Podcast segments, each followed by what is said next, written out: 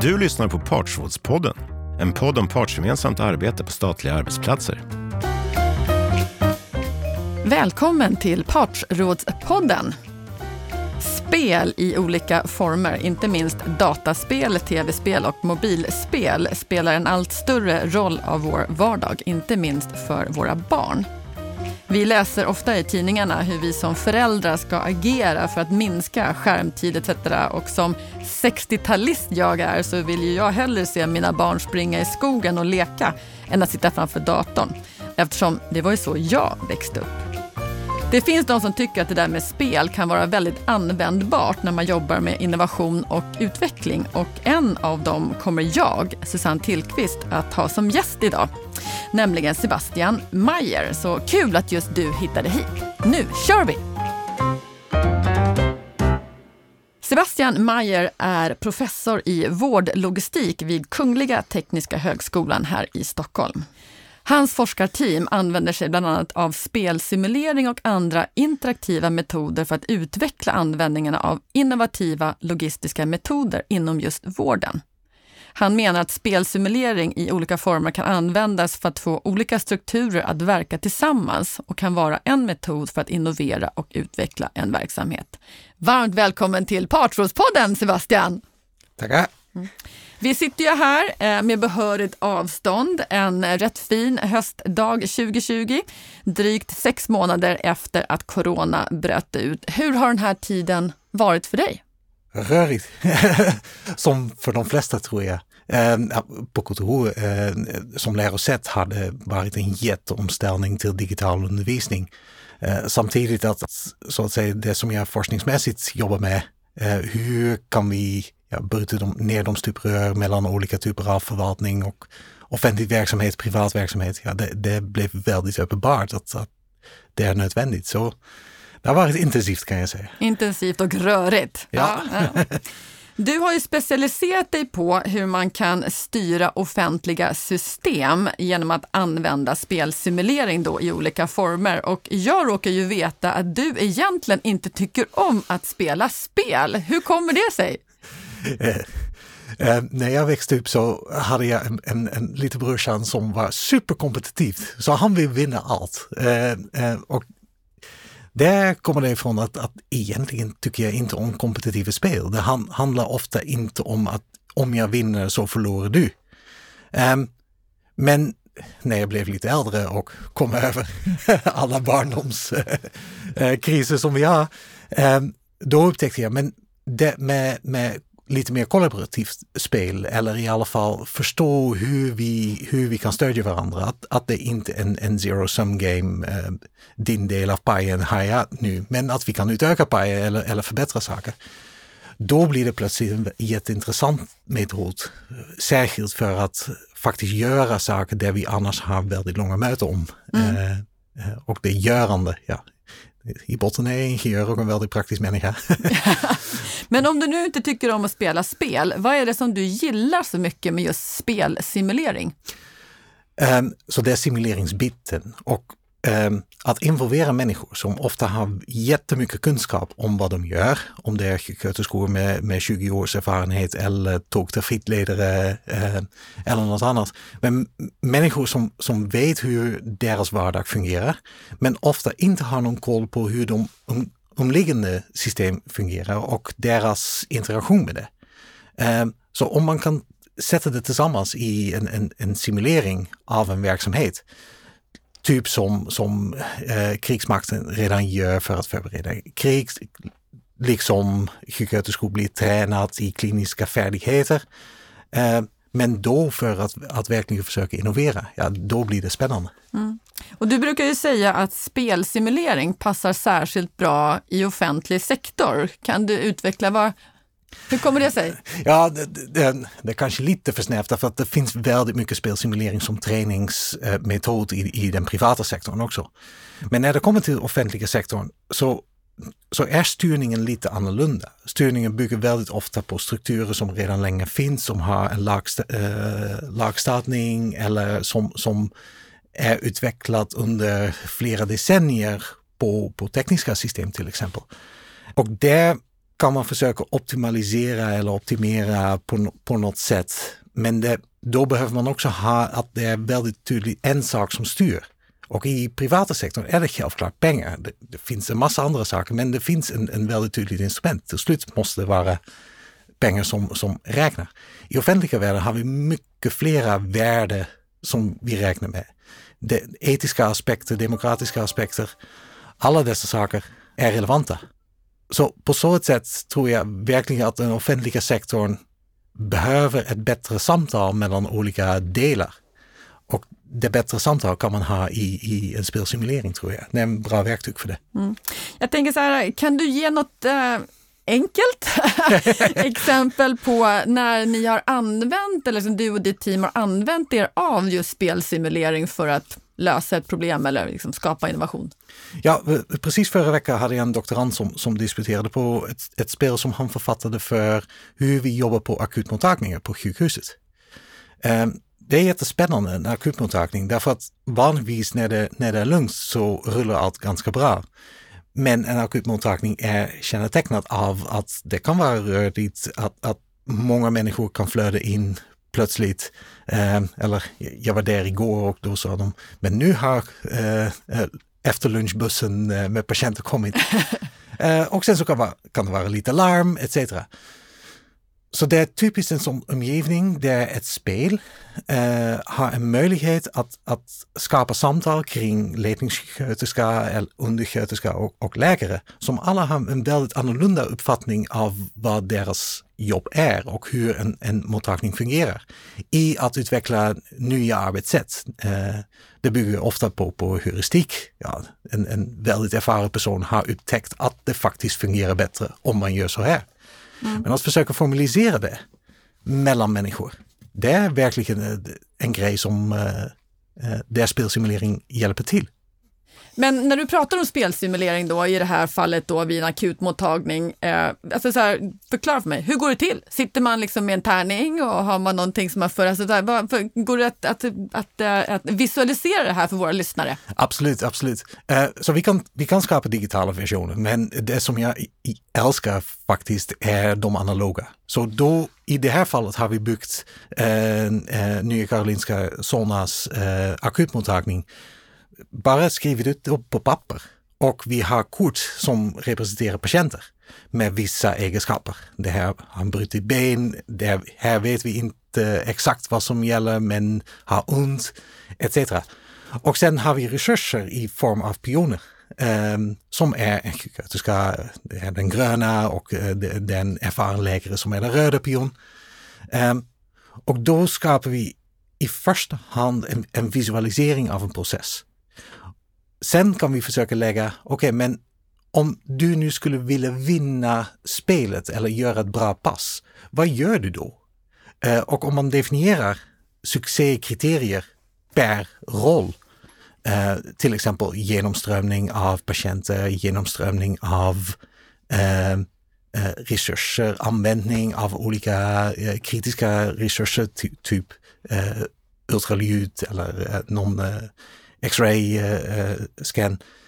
Sådana saker kan man då försöka räkna med och då blir det ganska snabbt väldigt spelliknande. spelliknande. Mm. Vad är det som skiljer liksom metoden spelsimulering då från liksom andra metoder när man jobbar med innovation och utveckling? Um, I alla fall sättet som jag använder det, då bygger vi alltid någon form av en simuleringsmodell. Um, och det bygger egentligen på det vetenskapliga att man kan använda modeller på två olika sätt. Man kan använda det som den bästa representation av verkligheten. Det är så många inom ekonomi eller inom, inom eh, tekniska vetenskap också gör. Eller man kan använda dem som en, som en dialogobjekt, någonting som vi kan prata om. Det betyder inte att, att representationen är korrekt, men i alla fall kan vi förhålla oss till detta och ha en, ett, ett samtal. Och ju mer strukturerat man kan göra samtalet, på ett sätt att man faktiskt gör istället för att bara prata väldigt kognitivt. Men när man sätter lite stress på människor, lite, men nu handlar det verkligen om min jobb, mitt jobbuppfattning eller, eller min ära ofta i jobbet. Då kommer man fram till de delar som är väldigt svårt att prata om. Um, och jag, har, jag älskar operativa processer. Men särskilt de operativa processer där lite svårare strategiska beslut har en direkt påverkan på. Så då går det plötsligt bra att ha strategiska människor och operativa människor tillsammans i, i samma rum och prata om samma process. Det leder till en, en helt annan typ av förståelse. Mm. Jag tänker så här, äh, finns det några särskilda förutsättningar liksom, när man kan använda spelsimulering som metod eller funkar det vare sig det är en liten verksamhet, stor verksamhet eller oavsett vad man gör för någonting? I princip kan för, för allt. Um, vad jag märks är att för mindre, mindre och mindre komplexa verksamhet, då är det ofta inte så intressant och att bygga ett spel är jättemycket jobb. Uh, så då är, är lite mer dataanalys och, och kvalificerat samtal eller, eller något, något annat, kanske bättre metod. Att bygga spel är, kostar också ganska mycket förberedelsetid och man behöver specialister och det finns inte så många eh, i det här. Så det är en relativt dyr metod, inte pengamässigt men tidsmässigt. Mm. Eh, så då ja, är det mer lämpligt för lite mer komplexa, eh, komplexa ja, eh, problem. Mm, jag förstår. Eh, jag har också hört dig säga att du ser ett särskilt behov av att eh, statliga myndigheter eller offentlig verksamhet behöver bli bättre på att samverka på olika eh, nivåer och att liksom spelsimulering då kan vara ett sådant hjälpmedel. Hur menar du då? Att göra det väldigt praktiskt. Ett projekt som vi just nu jobbar med är att Region Stockholm har för avsikt att, att formulera en policy för psykiskt eh, välbefinnande, psykisk hälsa. Eh, och det är inte sjukvårdsfråga i första hand, därför att då är det psykisk ohälsa som man eh, tar hand om. Eh, därför att människor som inte mår så bra eller har det lite tufft ibland, eh, de är ännu inte patient. Eh, så på, på vilket sätt man satsar lite mer på den preventiva och promo, eh, promotionella eh, främjande Ehm, eh, aspekter av psykisk hälsa. Det är, en, det är en svår fråga och vem äger frågan då? Då blir det ganska snabbt det är arbetsgivare, det är skolan, ehm, det är hur vi bygger eh, stadsområden, eh, det är hur vi utformar kollektivtransport. Alla dessa saker har att göra med att människor mår bra och får livets pussel ihop. Vad i, i transportstyrningen står det att vi eh, styr mot psykiskt välbefinnande. Det står inte det. Det, det handlar om trygga områden, att man, att man känner sig trygg. Um, och då kommer man ganska snabbt i, i co-benefits eller partnering i om jag gör någonting, då har du faktiskt fördel, en, annan sektor fördel av detta. Ehm, men det betyder att man behöver kunna styra mellan de olika förvaltningar och olika, olika delar. Det är inte lätt. Det är väl en jätteutmaning tänker jag. Jättespännande, absolut. Det är ett ganska stort projekt som, som tar mycket tid nu, men som kommer förmodligen att leda till att, att regionen ja, har någon, någon policy eller någon plan i alla fall för att eh, ja, försöka förbättra allmänna psykiska hälsa för alla i, i regionen. Eh, om vi ska bli lite mer teoretiska så talar Gärna. du om att um, det finns två ramverk för att klassificera olika sätt att arbeta med förändring, vare sig det egentligen är innovation eller utveckling. Du nämner någonting som heter programmist, nu ska jag säga det här rätt. Du nämner programmatiskt tack, ramverk och deltagande ramverk. Kan du förklara skillnaden? Absolut. Eh, det, det, är inte min egen eh, uppfinning, det, det kommer från en person som heter Russ. Eh, men skillnaden är, om man tänker sig lite mer klassiskt programmatiskt så finns det någon ledning som bestämmer det här vill vi ha. Här vill vi ta verksamheten. Det här är våra mål. Sen så blir alla uppföljningar, hur bryter vi ner det till delmål, del... Uh, så man, man kan bryta ner någonting som är top-down beslutat och ju starkare ledaren är, ju mer man får med verksamheten. Och sen så behöver alla delar som man gör summera till målet som man hade. Det går ganska bra om, det, om man verkligen kan summera de, de bitar. Det är ofta inte så i, de, i den offentliga verksamheten. Där är det ofta mer att väldigt många människor har kunskap om, om sina delbitar. Och hur det synker exakt och de detaljerna som gäller där är avgörande om det faktiskt bygger ihop eller inte. Det finns så många program, projekt etc. som började bra men som inte levererar till slut på grund av att de bitar inte äh, bygger ihop. Då blir en, ett deltagande äh, ramverk kanske lite mer attraktivt. Där vi säger, okej, okay, vi kommer att förändra, men vi bestämmer inte exakt var, vad slutmålet är. Och det kan kännas osäkert. Det betyder att man behöver prata mycket mer, så det, det är inte så efficient. Men det finns bevis på att eh, det som kommer ut faktiskt är starkare och uppnår flera av de mål av alla som är eh, deltagande då eh, i, i processen. Mm. Um, så det, det, är ett annorlunda sätt att, att styra. Mm. Går det att säga i vilka lägen som det ena ramverket eller det andra är bättre? Ja, är eller inte, enklare? Eller? Ja, det är inte så svartvitt. Um, um, det finns alltid några programmatiska aspekter och, och några deltagande aspekter kan man säga.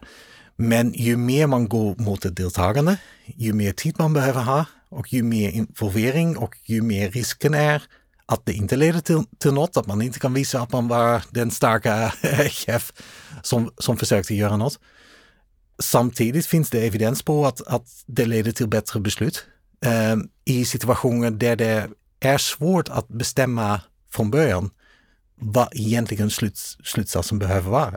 Om det inte bara mer efficient, eh, efficient transport i det här fallet mm. eller eh, mer sjukvård. Men om man tänker sig bättre sjukvård, vad är bättre? Det finns väldigt många aspekter i detta och då är det kanske mer lämpligt för en programmatiskt äh, äh, deltagande mm. äh, ramverk i att, att och Jag tänker lite grann också då när vi har lyssnat på andra som har varit gäster i våra poddar, att det här deltagande ramverket är lite mer kopplat, eller lite mer, känns mer kopplat till när man jobbar med innovationer, när man inte riktigt vet liksom vad slutresultatet är, det här agila arbetssättet, vi kör på, vi testar, och får vi se vad det blir. Ja, så i mjukvaruutveckling eh, jobbar man väldigt mycket med agile och eh, sådana, sådana typer av utveckling.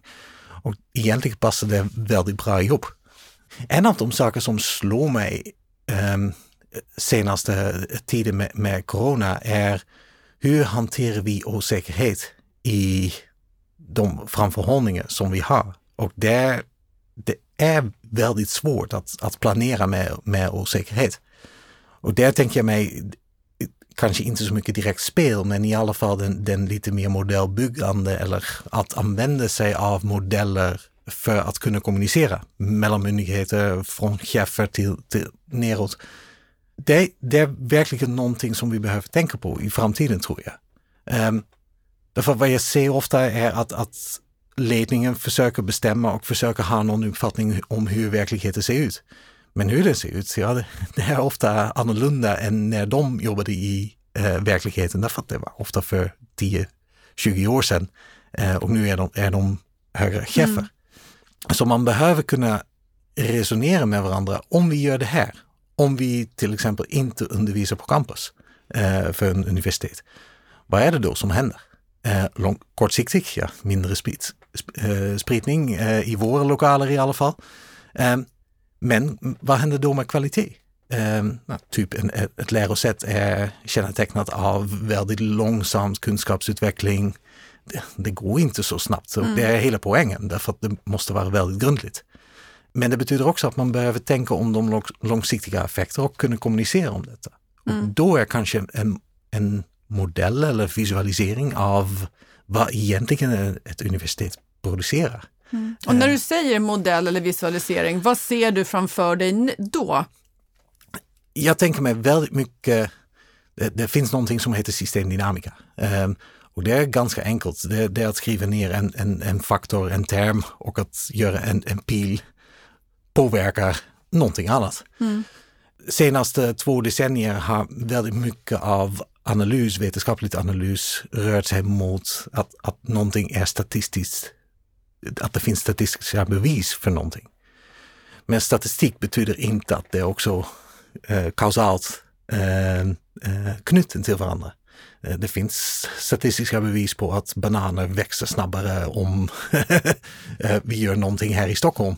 Det har kanske inte kausalt så mycket med varandra att göra, men det finns ändå ganska mycket evidens som vi kan ha med siffror. Vad jag hoppas är att, att med, med sådana lite ganska enkla övningar egentligen, att vi kan komma lite mer de kausala tänkande. Om vi gör det här leder det till det där. Varför och vad är de mekanismer? Vi är bra på att tänka sig insats, utkomst. Vi är ofta inte så bra på, men vad är de vägar som det tar? Därför att de flesta saker in, inte har bara en mot, eh, en, en vän till mig som jobbar på eh, Vinnova säger ofta, om jag frågar en trafikavdelning vad en väg är eh, i Stockholm, så får jag ut eh, att det är ett sätt för att transportera människor. Men om jag frågar ehm, eh, sjukvårdsförvaltningen vad en väg är så är det en, eh, en plats där olyckor händer. Om jag frågar ekonomiavdelningen så är det en plats där eh, ja, inköp eller, eller andra ekonomiska aktiviteter händer. Så ju fler man faktiskt sätter ihop kring ett objekt, ju fler utfallsmått man mm. får. Mm. Och då behöver man börja tänka, men okej, okay, hur då? Vad betyder en parkeringsplats? Det, det, betyder väldigt annorlunda saker för olika typer av människor. Och att kunna resonera kring det, då, då behöver man kunna kommunicera i kausalitet, inte i statistiska samband. Mm det är kunskap som jag gärna bygger upp så att säga. Ja, jag förstår. Och jag tänker också då att det eh, resonerar mycket kring att när man då gör, vare sig det är liksom den typen av, av modellering som du pratar om nu eller spelsimuleringar som du nämnde tidigare och det här att man behöver ha väldigt olika typer av människor, kompetenser och erfarenhet när man då faktiskt eh, eh genomför spel. Ja, exakt. Och man kan, man kan leka med en modell. Eh, men först behöver man oftast bygga en modell och det finns då en, en del av min egen eh, vetenskapliga utveckling så att säga. Traditionellt har många spel blivit utvecklat av forskare eller experter istället för att även utveckla dem på ett deltagande sätt. Eh, och där har vi själv någonting att, att utveckla. Man kan säga deltagande, men att, att vara deltagande betyder, måste man då också vara i väldigt många olika delar. Mm. Jag förstår. Ja. Det får vara slutord för oss idag och eh, som jag nämnde inledningsvis så tillhör ju jag den generationen som blir eh, mer lycklig av att ha barn lekandes i skogen eh, utomhus än att sitta framför datorn. Men när jag lyssnar på dig så kanske det där med spelandet faktiskt kan leda till att man börjar forska i ämnet istället. Så ett stort tack Sebastian för att du kom till Partsrådspodden och lycka till i fortsättningen. Tack så mycket. Att som Sebastian ha som yrke att forska och jobba med spelsimulering, det låter ju både intressant och stimulerande. Vad kan vi ta med oss från det här samtalet?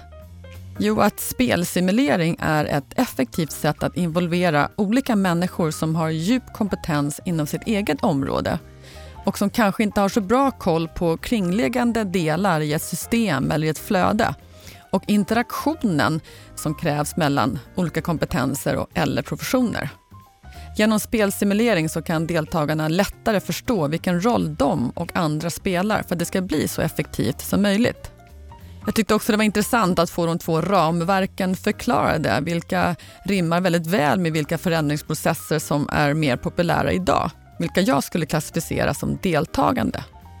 Det kan ta längre tid och vara lite knepigare att ta sig fram, men resultatet, när människor är engagerade och involverade, blir vanligtvis mycket bättre. Jag tog också med mig att det kostar rätt mycket att bygga upp simuleringsprocesser och att man därmed ska vara noga med när man väljer att använda spelsimulering som metod.